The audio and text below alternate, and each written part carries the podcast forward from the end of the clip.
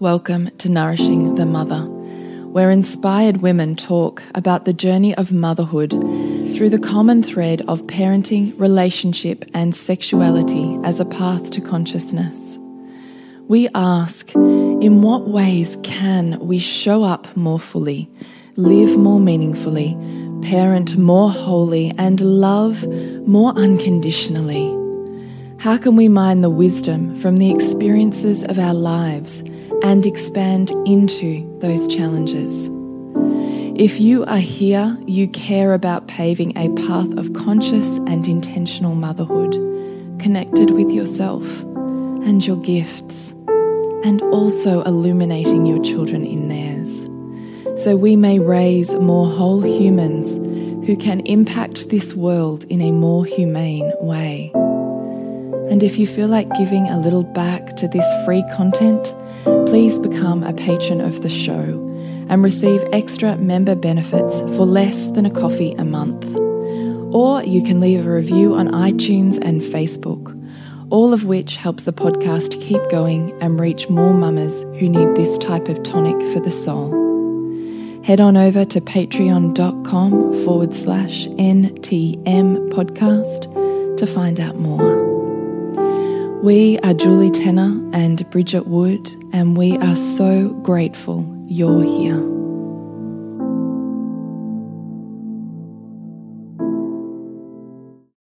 Hello, and welcome to Nourishing the Mother. I'm Bridget Wood. And I'm Julie Tenner. And today's podcast is all about boundaries as part of respectful parenting. And I don't think we can ever talk about this topic enough. So we're both excited mm. to have this conversation. Before we do that, I'd love to remind you to jump on onto nourishingthemother.com.au, scroll on down to the red banner and come join our newsletter. All you have to do is drop in your email and we will pop up in your inbox. Definitely not more than once every three weeks but I'm working on even three weeks. we're getting back so to it. We're getting back to it. I'm, it's on my list.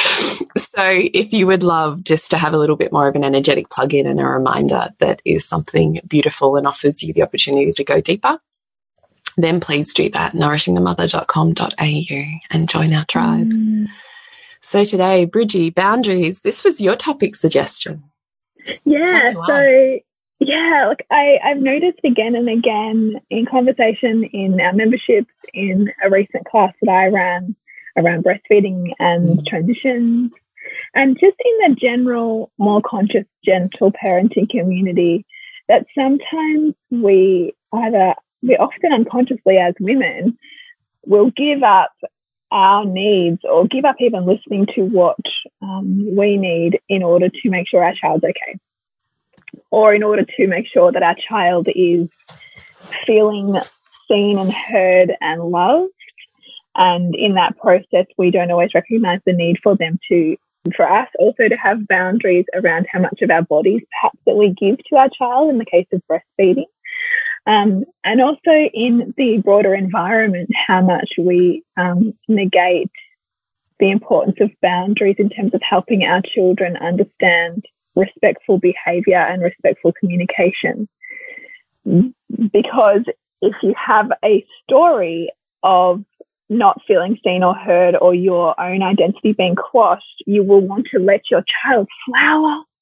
But sometimes your child's flowering might impact another child or another person in a way that is um, disrespectful. And that if you don't have a boundary that helps your child relate with the world, and with you in a way that you would like to be related to, then they don't have that toolkit. And I think that we see we can see this um, more often in in um, more of the wild kind of um, child rearing. And I think that it's important to to, to find that um, what what both our boundaries look like and both helping our children understand and discern what other people's boundaries look like in a way that is respectful to both that other person and our child being their whole self. So that's sort of where I want to take this conversation because I think it's, it's a good one to keep coming back to. Yeah. How would you, how do you teach the discernment of boundaries for self and other with your children? So for me, I think it begins so much in both me checking in um, so in terms of self and my child, for me, it's a checking in of how I feel about, for example, my three year old trying to climb on me. And if my body is a real no in that moment, it's being really clear. I don't want you to climb on me right now. Can you hop off, please? And physically moving her off. And, you know, because, and then, of course, there's other times where it feels good and it's playful and it's fine. And my body's saying yes. So that's okay. And in terms of other, it's helping my children often between each other, recognizing what their bodies are saying. So if mm. one child is pushing the other one a bit too far in play, or if the other one is saying something that's hurtful that's clearly the other child is feeling impacted by, it's helping them see that body language. It's helping them, it's stepping in and saying, I can see that what you said just then really hurt your sister. How do you think you might be able to repair that with her? So I'm not telling him to say sorry. I'm not punishing. I'm not shaming. I'm mm. asking an opportunity to open to what's here that you might not have noticed. So that's my practice around um, boundaries. And I think that it's my evolution. If I think back to how I would have been raised, it was very much like, this is right, this is wrong, this is good behavior, this is bad, these are the rules, you know, and so it might be that you're, you know, you never let your child do this. But sometimes your body might say, yeah, that's fine. I'm happy to do it. And other times you might um, be not willing to have your, sorry, be willing to have your child do something. And, and it's, it's opposites. I guess I, what rings through in my head a lot was my mum saying that her mum always said, whatever your answer's going to be, just say that up front. Just, you know, if it's a no from the beginning, just never change it. Don't waver, you know, which is that whole like, you know, order and control. But as humans, we're so much more nuanced than that. And when we're in relationship with our bodies, which are constantly communicating to our children before our words do, that to me is one of the most authentic teachers is what what's my body, what's my nervous system saying right now?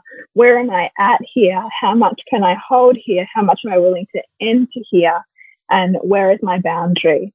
And I mean, I, and I think about um, you, Julie, when you were over one day and Gwen and Sylvie were like making plans for a sleepover and, you know, they were like super excited. And even you said to Gwen, oh, Bridget's had a hard night last night. She doesn't really want to have a sleepover tonight, but maybe another time, you know, and even that is building awareness mm. for your child about, you know, tuning into people's feelings right now and their capacity or their choices and that our choices don't always get to override another person's choices. And so let's look wider about how what we want works for another person or not. I really love that. How do you know in your body your willingness or lack of? For me, it's whether I feel open and and kind of what does what does to feel open look like? Feel like what's the how does someone who has no idea how to read their body know that? I guess is what I'm asking there's not a feeling of constriction. There's not a feeling of irritation. So, so for instance, I know when it's a no because even just the feeling of someone climbing on me and touching me, I'm feeling irritated by that. So I'm feeling like I want space. So in that moment, it's definitely a no. And if it's a yes, I'm feeling softer. I'm feeling more malleable. I'm feeling like I'm just willing to be um, opened by another and met by another's body and that I'm not closed. And I mean, I recognize that my body is also a function of my psychology and that I'm constantly influencing that.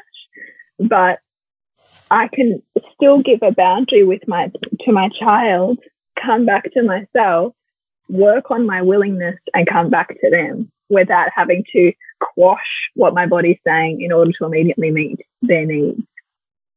Does that make sense? Is that clear? Yeah, it does. No, I love it.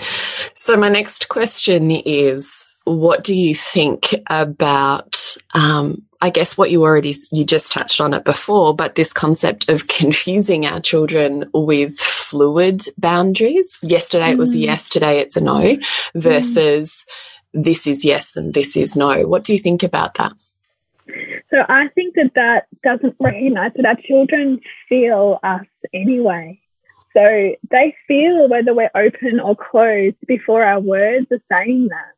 and they will they feel an incongruence with and they and they sense and know what's a what's a solid rule and a rule that's meaningful and what's an arbitrary rule. So the latter that you were talking about is an arbitrary rule of because I said so, or you know, this is our what does rule. arbitrary mean? I don't even know if I know what that word means. What does that mean? So arbitrary? it's almost like rules for like the sake of having a rule. You know, like okay. we've got this rule, and it's kind of like you know, no one really knows why, but we kind of have this rule. You know, I think rules are made to be yeah. understood and potentially shifted, changed, and broken, right? Yeah. And so I love so, that about you too. Yeah, it also has a shadow though, right? Oh, like everything. Like everything, but I, yeah. I, I, really appreciate that quality in you too. I really yeah. love having my perceptions stretched or shifted just by virtue of, of witnessing you in that process. Oh, thank you. Thanks. It's a, it's a process of, you know, thanks often, right? Um, Isn't it? Yeah, you know, because. Well, because there's this willingness to just be isolated, isn't there? Because if you're not part yeah. of the sheep, you're outside yeah. of the tribe. That's it. Yeah. Mm. Yeah.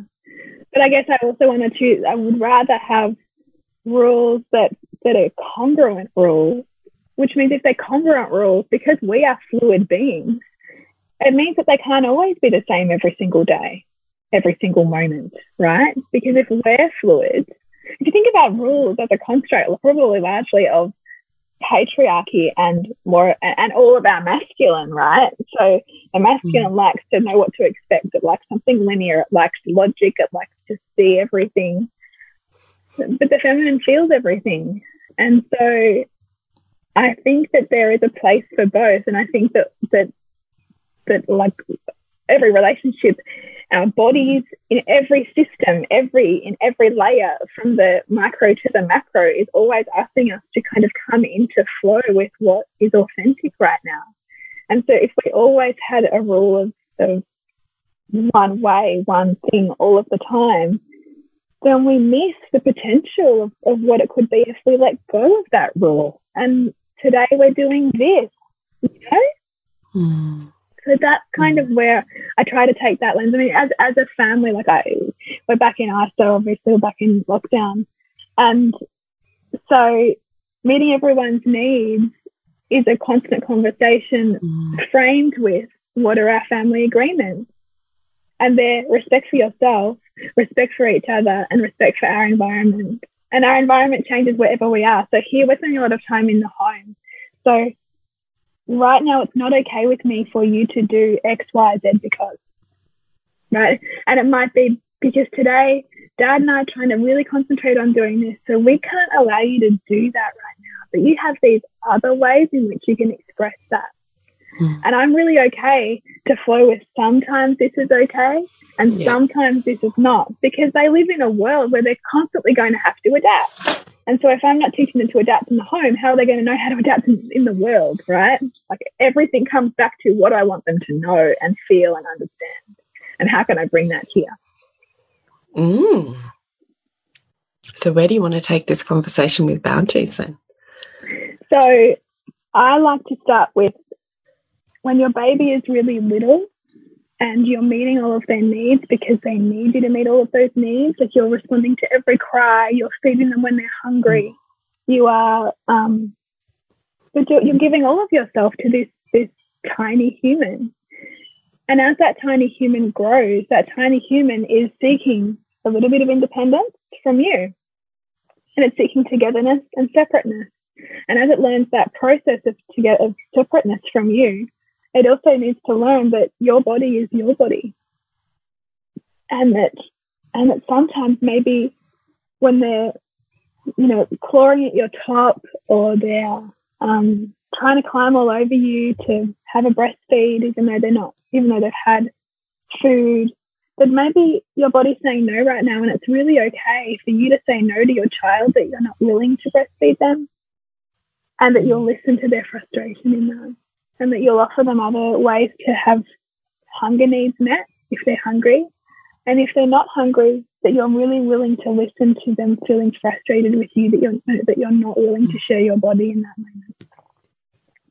That is what I think the beginning of boundaries looks like. For example, with the breastfeeding relationship. and and it goes and it and it draws out from there and it begins a consent conversation too because if you're not willing to override your body then you teach them to check in with what their body says and not override their body when someone's asking them to do something that they don't want to do and so your boundaries are a, are a key ingredient in your conscious parenting and that it's okay for your child to be frustrated, upset, and angry with you by you having boundaries. You are not harming your child by you having boundaries. I think that we can sometimes, you know, in this desire to raise conscious children and to be up to date with all of the latest research on the right way to raise children, is that we can, you know, think, oh, I don't want to like um not meet their needs or I I don't want to like um you know cause you know emotional challenges for them or issues in my in the way that they perceive me or the way that they perceive their caregiver. So I'll I'll kind of contort and shift and shape shift myself in order to be what they want me to be. Hmm. But I don't think that that's part of healthy development either. I think that they want you to be you. They want you to be your youest you so they know what that looks like to be true to themselves. Hmm. And so sometimes your boundary is a beautiful, beautiful thing, even if your child rallies against it. Because sometimes boundaries is the best way to tell your child that you love them. That's what I feel. I feel that too. I think there's a certain amount of safety that's inherent in I will hold you within here.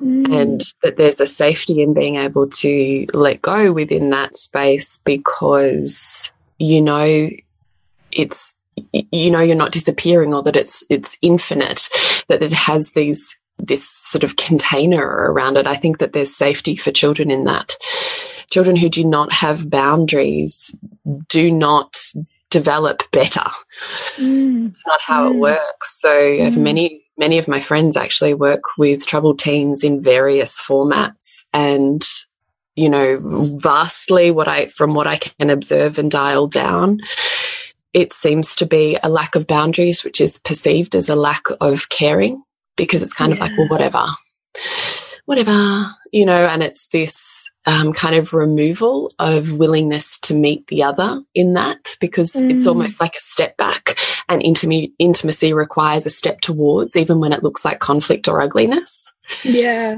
So the step back ends up being a state of non care.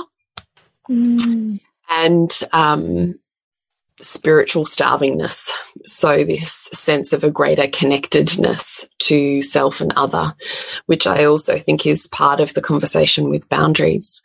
So, I don't ever look at boundaries as, um, if they're respectful, though, I do say, because I do think it's very easy to stay reactionary yeah. And um, I mean, when I was in doing the workshop with Soul Driven Motherhood on Thursday, it was one of the things that came up. I think one of the beautiful moms is like, I'm having really a hard time with um, pajamas at the moment, getting pajamas on. And ultimately, we talked around that, but I was like, you know, in the end, often I wonder, is it really the pajamas? Like, does it mm. matter? Or are we like holding on to the meaning that we make pajamas mean? you know? Mm, yeah. And so I do think the conversation with our own boundaries also needs to be with a witnessing and an awareness of perhaps what you would call arbitrary um, rules, Bridget, which is just why does it why does it matter? Why do they have to wear pajamas to go to bed? Yeah, exactly. You know? Yeah, yeah. So, so sometimes my three year old will go through a stage a couple of nights of wanting to wear her tights and a t shirt to bed. Does that affect me? No. Why do I think she has to wear pajamas? I guess because it's just what we do. Is it that important? No. Okay. She can wear what she wants to wear to bed. You know, like yeah, that exactly. self check in, right? Yeah. Yeah. So I'm just saying, I do think when we're witnessing our own sense of um, needing life to exist in a certain way, that there also needs to be a level of self responsibility and self check in mm. or self measure around are they reactionary and I need life to be exactly this yeah. way in order for me to feel good? Yeah. In which case, I would say that's not a growth space. Or is it I have this construct of my boundaries being less about rigid walls that I have to defend and yeah. more about these malleable and moving um, uh, ed, I want to say edges, but it's a different word. Like I always think of it like a beautiful sandbank that meets a river or something. Mm. That there's mm. this tide that can. It's yeah. like a tide. The boundaries look like tides. As we grow, our boundaries will shift. Yeah. As our awareness changes, our boundaries will shift. Boundaries are not static. What existed is no. Yeah, I mean, and boundaries. I mean, as a word, it sounds like a solid wall but actually they are far more malleable. And I love that you have made that distinction because it's true.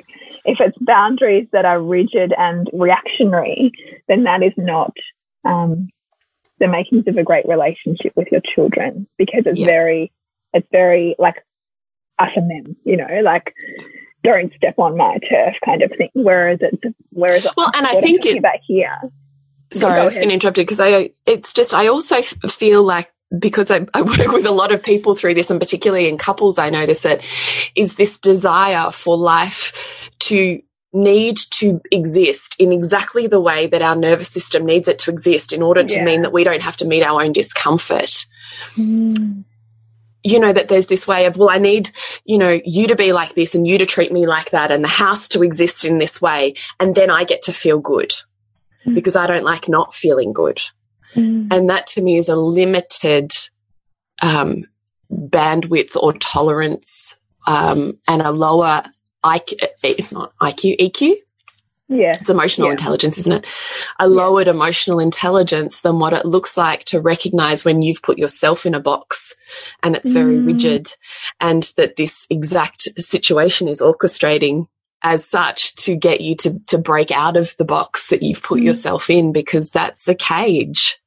Yeah. It might be beautifully gilded and, you know, pristine rainbow glass, but it's still a cage. So mm. what would it look like to not need with such emotional desirousness for the mm. world to exist in exactly this way in order for you to be okay, because that's the opposite of freedom. Mm. And ultimately, what we're all seeking, even when we're in our masculine and seeking black and white, is freedom. We're all mm. seeking to feel free, but you only really feel free when you can fully tussle with the experience of chaos in the world as mm. it exists in its feminine form, right? Which is all form. So I know I went a little bit spiritual then, but I was just sitting with just beware that desire to have your pillow fluffed exactly right and your world to exist in exactly these ways. Because mm. when it doesn't exist in exactly these ways, you're off. Then I go, yeah. okay, you've got emotional intelligence work to do. If yeah. it is dependent, if your wellness is dependent upon a set of circumstances and ways of being that exist outside of you, you're in a cage. You're not mm. free. So when it comes to boundaries, I just want to kind of like pin that. Point. I love that distinction. Yeah, because because yeah, absolutely. Like it's if you're constantly work, make it, if you're constantly working to make the world just the way you need it to be, then you're never ever ever going to be free because the world. no, never, that's not ever. a real boundary. It's not a real boundary. Not, no, it's not. Real boundaries look like what you said, which is I recognize when my body feels fluid and open and we want to do this. And I recognize when my body needs something a bit different and I can with love and compassion offer you the boundary and listen and be with the mm. resistance that you might have to that. If I can't even tolerate hearing that you want it to be something different or that you're upset about the fact that I've blah, blah, blah. No, you're in a cage you're not in a state of freedom. So just to recognize that fluid mm. difference in the boundaries that we're talking about versus the way that we might construct boundaries outside of this discussion. Yeah, that's a great distinction. And of course, you know, when you when you're when you're feeling strung out or overtired or you've been up all night, then you'll also know that because of, you know, all of those things on your nervous system, your boundaries might be a lot less that day and that that's okay too. And it requires softness, not rigidity and harshness with your child, but a slowing down enough for you to be able to meet both your needs and theirs without having to make somebody outside of you the enemy. Mm. Like, you know, deal with with that that, you know, achiness within you or that need for rest with you in a way that can still be loving of those around you. Even and that will, might look like, no, I'm not willing to play that with you right now. I need to rest you know, and find a way to rest near them in, in, in a way that they feel okay with, but that your rest is still okay. And that can be just a safe boundary um, that keeps, you know, you safe and you cared for and them safe and them cared for. 100%. Mm. So, if you feel desirous towards expanding exactly what it means to live in alignment, then Secret Source is our weekly workshop space that we're doing over the next four weeks in soul driven motherhood. So I would really invite you to check that out on socials at Nourishing the Mother or nourishingthemother.com.au is the website. So that has four modules we're going to walk you through in lives because soul driven motherhood is the space for community discussion and weekly mm. workshops to advance your practice. So it looks like we're going to do values next week, which Bridgie will mm -hmm. lead. I'm mm -hmm. excited because no one knows better than you. Lord knows I like to just sit in in that conversation.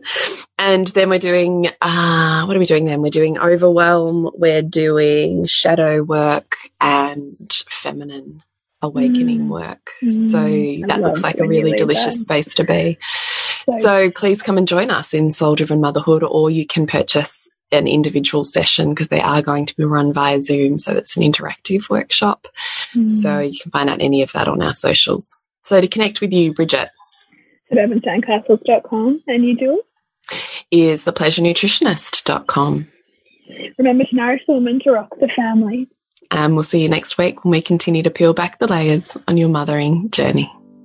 And if you want to support Nourishing the Mother and all the late nights, the early mornings, the blood, sweat, and tears we pour into our art, then please go to patreon.com forward slash NTM podcast and become our patron. As a patron, you're helping all of the cost of operating this podcast, the hosting, the editing, the transcription, helping all of that be completely covered, and joining a community who are all about honouring our journeys and continuing to open. The more support we have, the longer we can last. So become a patron. We'd love to have you.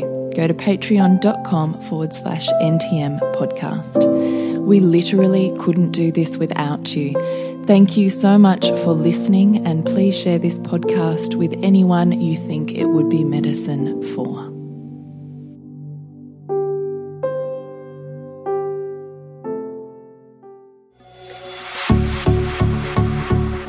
This has been a production of TheWellnessCouch.com. Check us out on Facebook and join in the conversation on Facebook.com forward slash The Wellness Couch. Subscribe to each show on iTunes and check us out on Twitter. The Wellness Couch, streaming wellness into your lives. Whilst the Wellness Couch presenter endeavor to provide accurate and helpful information to their listeners, these podcasts cannot take into account individual circumstances and are not intended to be a substitute for health and medical advice from a qualified health professional. You should always seek the advice of a qualified health professional before acting on any of the information provided by any of the Wellness Couch podcasts.